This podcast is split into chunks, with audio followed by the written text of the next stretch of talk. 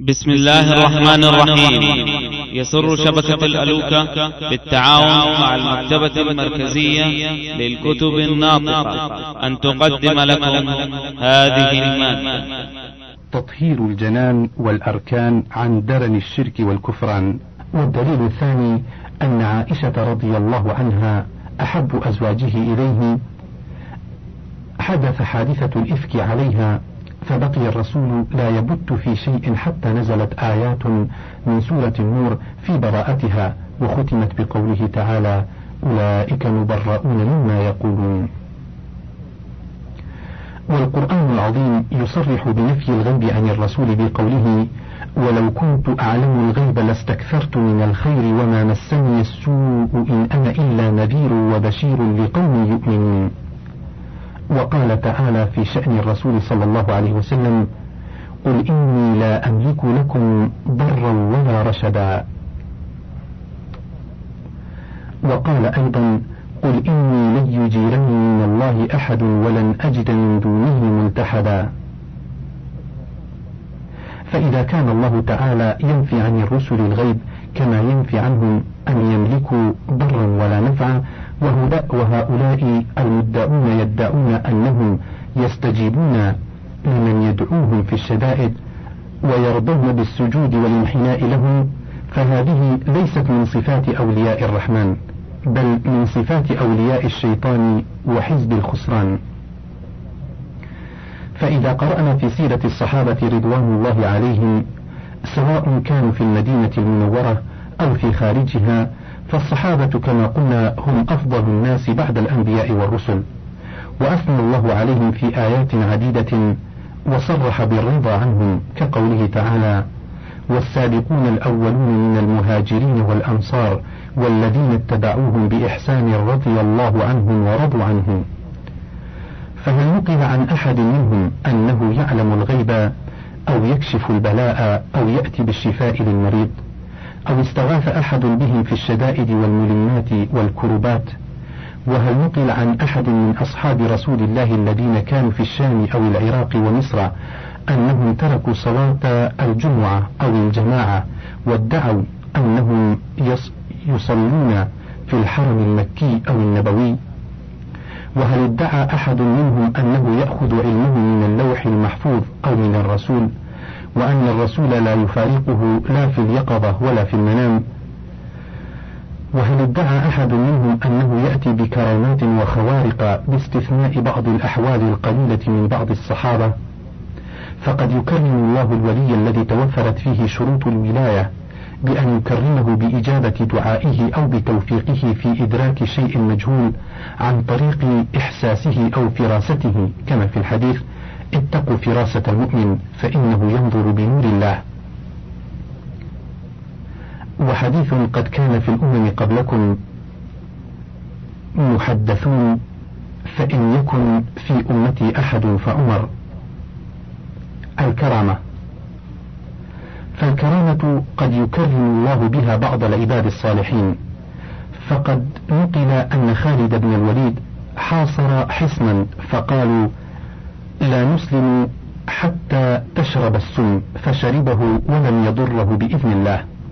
وكان سعد بن أبي وقاص مجاب الدعوة. ما دعا قط إلا واستجيب له. فخرج عباد بن بشر وأسيد بن حضير من عند رسول الله في ظلمة الليل. فأضاء لهما أطراف الصوت فلما افترقا افترق الضوء معهما.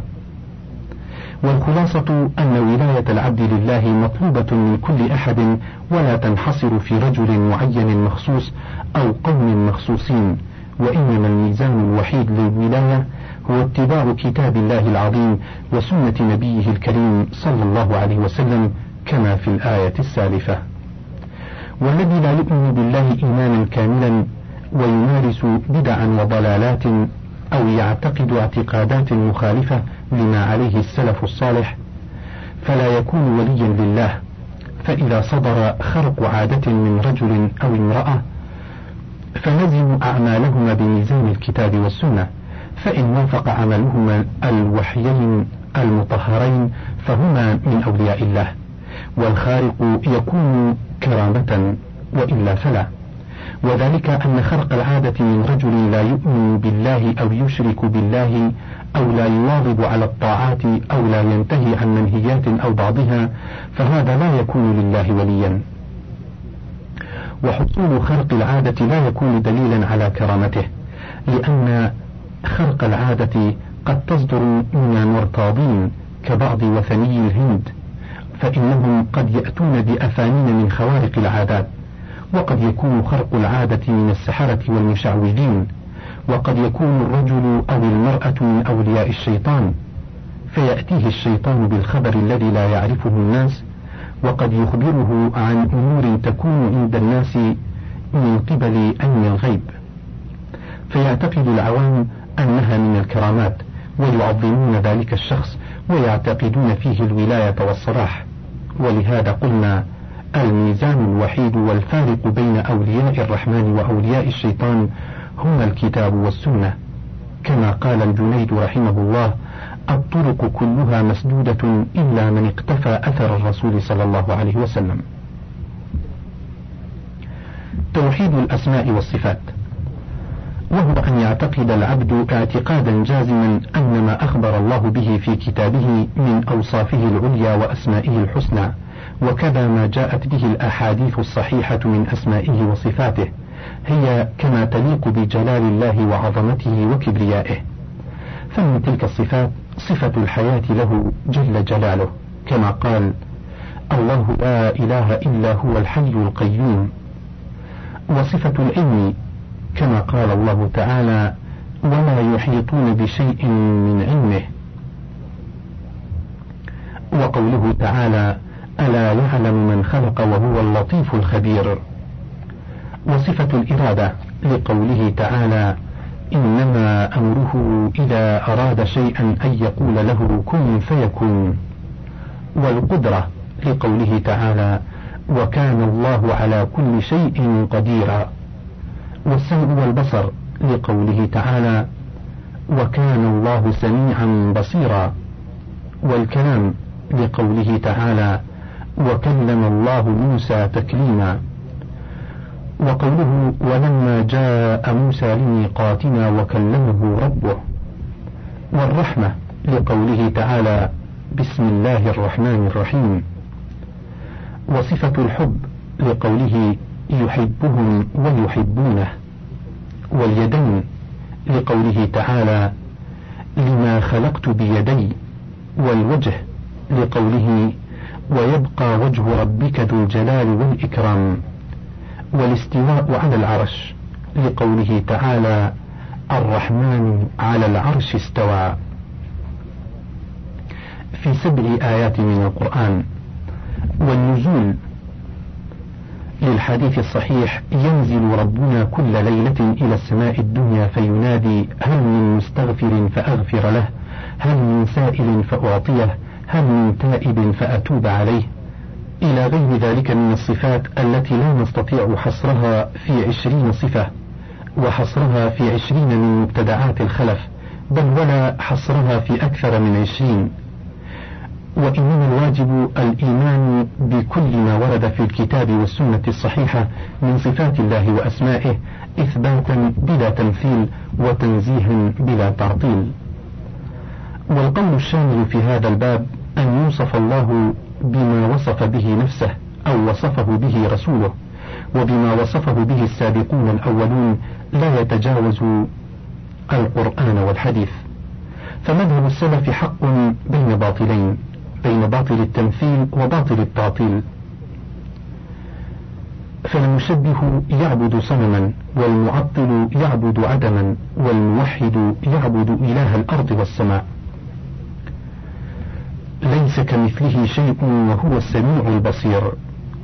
فصدر الآية تنزيه الله عن مماثلة المخلوقات ورد على المشبه.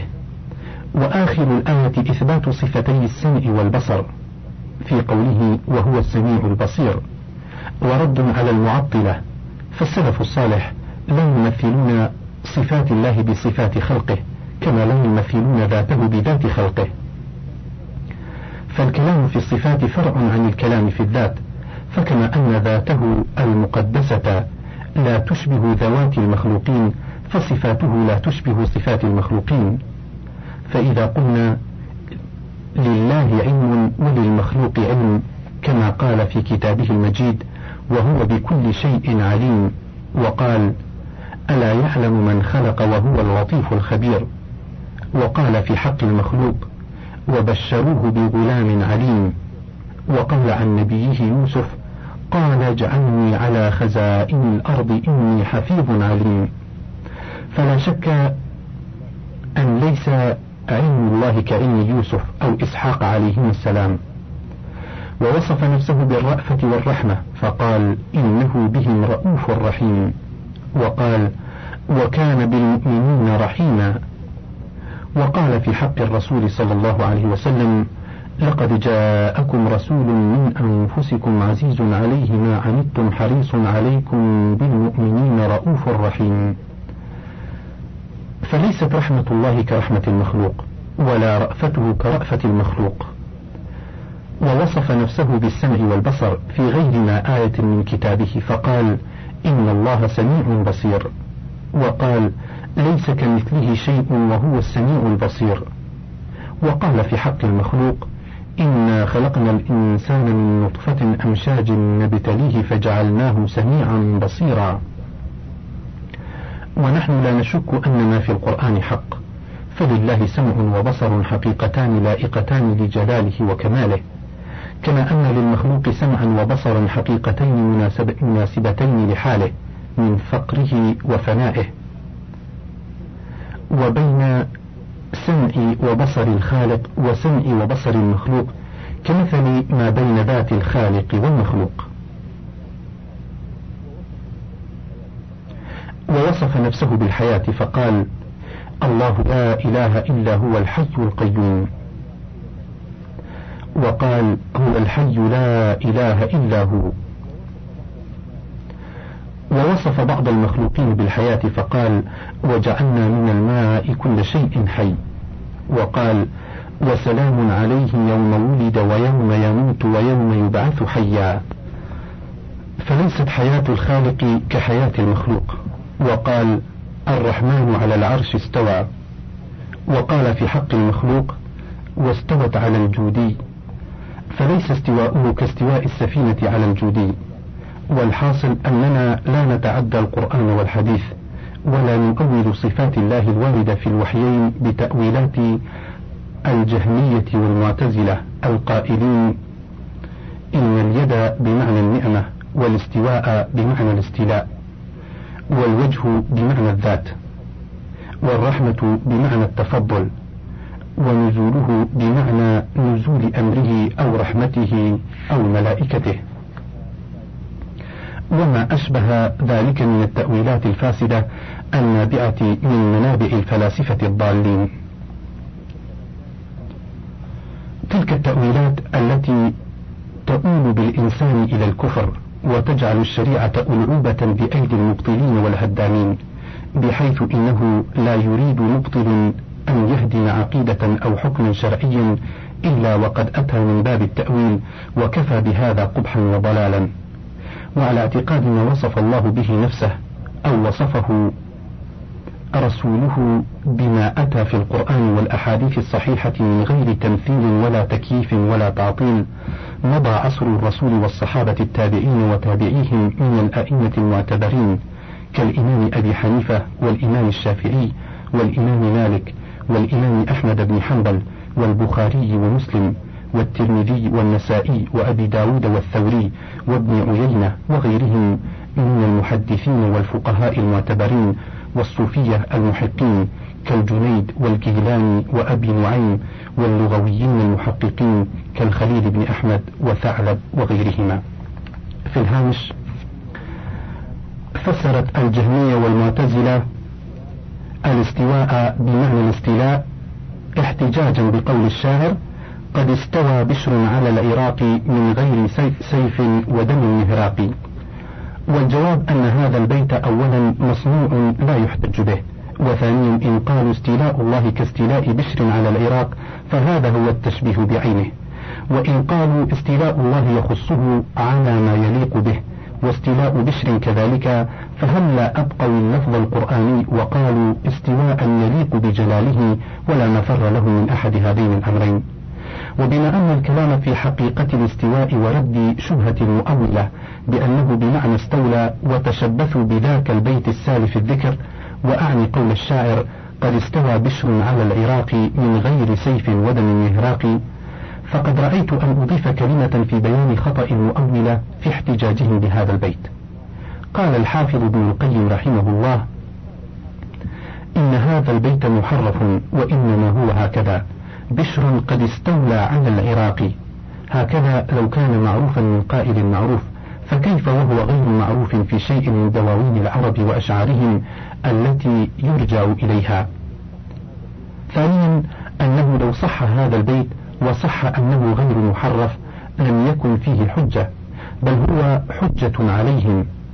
وهو على حقيقة الاستواء فإن بشرا هذا كان أخا عبد الملك بن مروان وكان أميرا على العراق فاستوى على سريرها كما هو عادة الملوك, عادة الملوك ونوابها أن يجلسوا فوق سرير الملك مستوين عليه.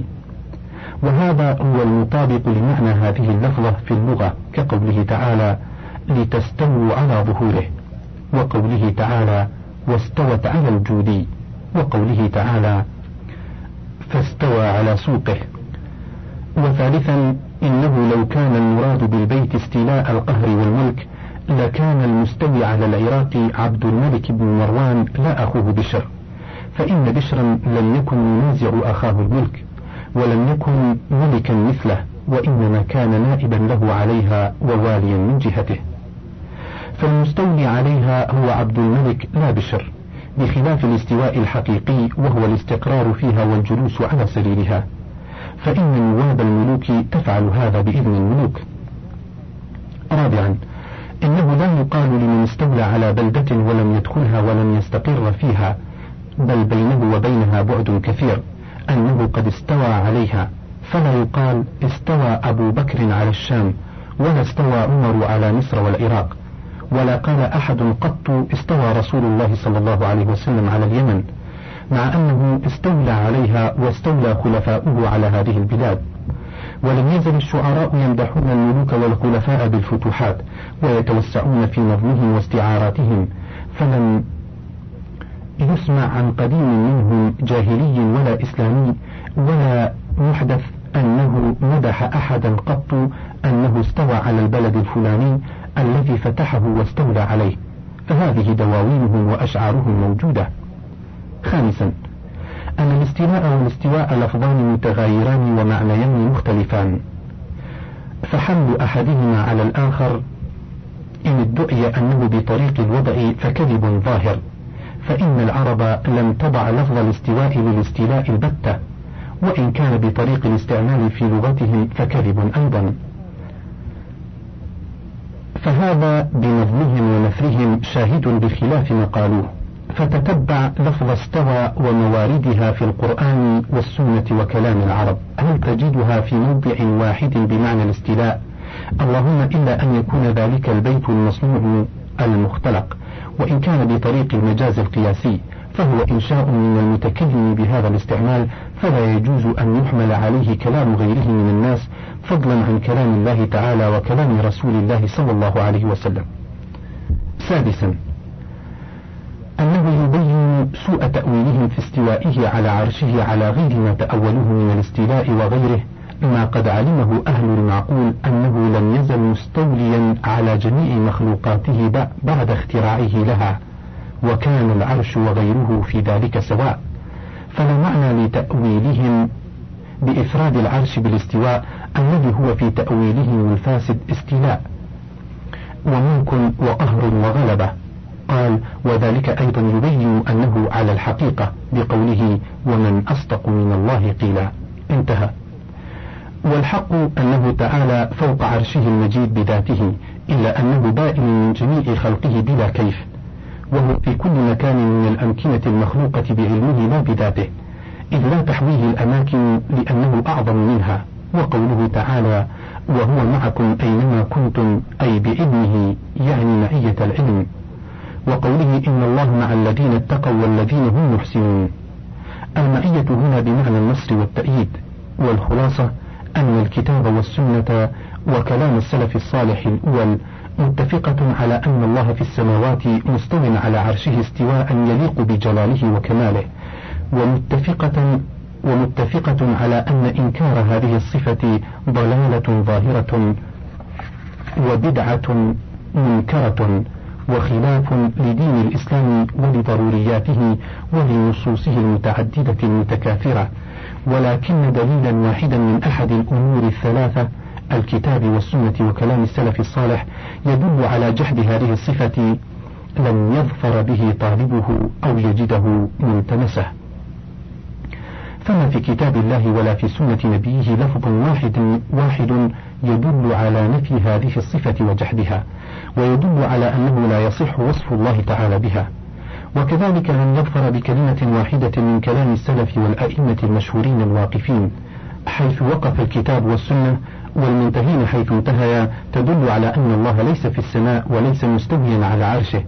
أو تقول إن إثبات هذه الصفة لله تشبيه أو تجسيم ولا جاء عن أحد من هؤلاء أنه أول النصوص الواردة في هذا ولا أنه فسر شيئا بخلاف الظاهر المادي منها لفصحاء الناس. ونحن نتحدى المخالفين لنا أن يأتوا بحرف واحد من الكتاب أو السنة الصحيحة أو من كلام السلف كالصحابة والتابعين وتابعيهم يدل على ما زعموا من تأويل هذه الصفة أو أن في إثباتها نقصا أو تشبيها أو تجسيما لله تعالى. تعالى الله عن ذلك علوا كبيرا. فوالله لو صعدوا السماوات ونزلوا أعماق الأرض الأراضين السبع لما وجدوا ما يؤيدهم سوى تلك التأويلات الفاسدة ومقولات الجهمية والمعتزلة الباطلة. ولا أدري كيف تجاهل هؤلاء أن القرآن والسنة قد بينا أحكام الوضوء والطهارة والحيض وآداب الخلاء وأنواع المحرمات ولا يذكر فيهما ولا يذكر فيهما لفظ واحد يشير أن الله ليس في السماء وأن تأويلهم على صواب. وها أنا أوجه الخطاب للأشاعرة الذين يزعمون أنهم يقلدون الإمام أبا الحسن الأشعري رحمه الله. فإن كانوا أشاعرة صدقا وحقا فالإمام الأشعري نص في كتاب الموجز ومقالات الإسلاميين والإبانة التي هي آخر كتبه على عقيدة السلف الصالح من إثبات الصفات كالاستواء والوجه واليدين والنزول وما إلى ذلك من الصفات الواردة في الكتاب والسنة. من غير تكييف ولا تمثيل وإنه على عقيدة الإمام أحمد بن حنبل رحمه الله. وإلى الواقفين والقراء ما قاله الإمام أبو الحسن في الاستواء في كتابه الإبانة. باب ذكر الاستواء. إن قال قائل ما تقولون في الاستواء قيل نقول له إن الله تعالى مستو على عرشه. كما قال تعالى الرحمن على العرش استوى وساق الأدلة على ذلك ثم قال وقال قائلون من المعتزلة والجهمية والحرورية أن معنى قوله الرحمن على العرش استوى أنه استولى وملك وقهر وجحدوا أن يكون الله على عرشه كما قال أهل الحق وذهبوا في الاستواء إلى القدرة ولو كان هذا كما قالوا كان لا فرق بين العرش والأرض السابعة السفلى لأن الله تعالى قادر على كل شيء والأرض, والسما والأرض والسماوات وكل شيء في العالم. فلو كان الله مستويا على العرش بمعنى الاستيلاء والقدرة لكان مستويا على الأرض والحشوش والأنتان والأقدار لأنه قادر على الأشياء كلها. ولم نجد أحدا من المسلمين يقول إن الله مستو على الحشوش والأخلية. فلا يجوز أن يكون معنى الاستواء على العرش على معنى هو عام في الأشياء كلها ووجب أن يكون معنى الاستواء يختص بالعرش دون سائر الأشياء. انتهى. انظر بحث الاستواء في العلو للذهبي وفي الجيوش الإسلامية لابن القيم وفي كتاب العقائد السلفية. قد أثبت في بحث الاستواء بما لا مزيد بعده وفلت شبههم العقلية والنقلية والحمد لله على ذلك. انتهى الهامش. وآخر دعوانا أن الحمد لله رب العالمين. نسأل الله أن ينفعنا وينفع إخواننا المسلمين بهذه الرسالة. إنه سميع يجيب الدعاء. وصلى الله على سيدنا محمد وعلى آله وأصحابه والتابعين. انتهى كتاب تطهير الجنان تطهير الجنان والأركان عن درن الشرك والكفران لأحمد بن حجر آل بوطاني آل بن علي. وفيما تبقى من هذا الشريط إليكم هذه المادة الإضافية. ظاهرة رفض السنة وعدم الاحتجاج بها للدكتور صالح أحمد رضا طبعت جامعة الإمام محمد بن سعود الإسلامية بالرياض 1406 هجرية 1986 ميلادية. تقديم بقلم معالي الدكتور عبد الله بن عبد المحسن التركي مدير الجامعة. الحمد لله رب العالمين والصلاة والسلام على سيد الأنبياء وخاتم المرسلين وبعد.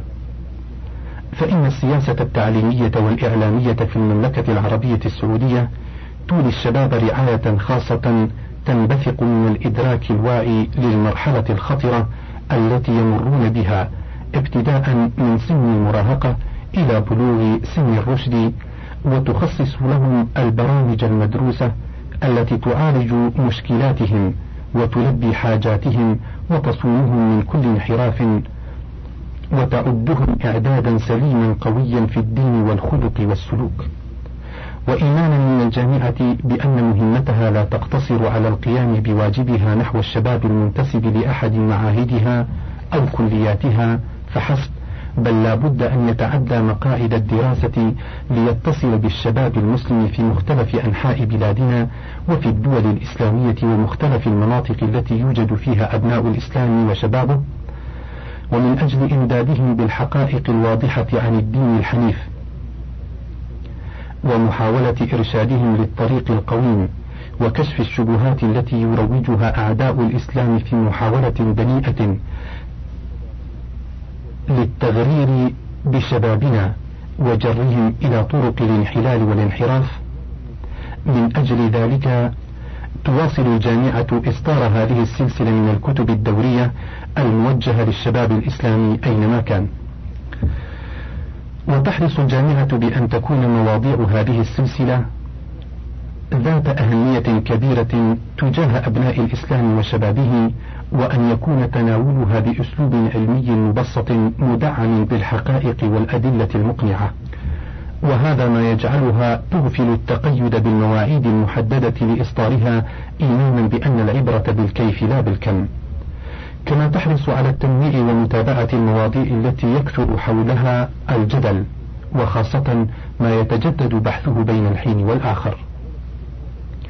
محاولة محاولة إلقاء الضوء على القضية ومعالجتها وفق التعاليم الإسلامية الحكيمة التي لم تترك ولله الحمد ناحية من نواحي المجتمع ومصلحة من مصالح الأمة إلا وبينت أحكامها ويسرت السبل لكل من يريد التقيد بها. والكتاب الذي بين أيدينا يتناول قضية هامة تتعلق بأصل من أصول الشريعة وظاهرة نحمد الله أنها لا تتمتع بالقبول في بلادنا وفي كثير من البلاد الإسلامية. إلا أن أعداء الإسلام يداومون على تحريكها بين الفينة والأخرى وينصبون شباكهم لاصطياد بعض أبناء الإسلام وإضلالهم ودفعهم لمحاربة الإسلام من داخله هذه الظاهرة القديمة الجديدة هي ظاهرة رفض السنة وعدم الاحتجاج بها.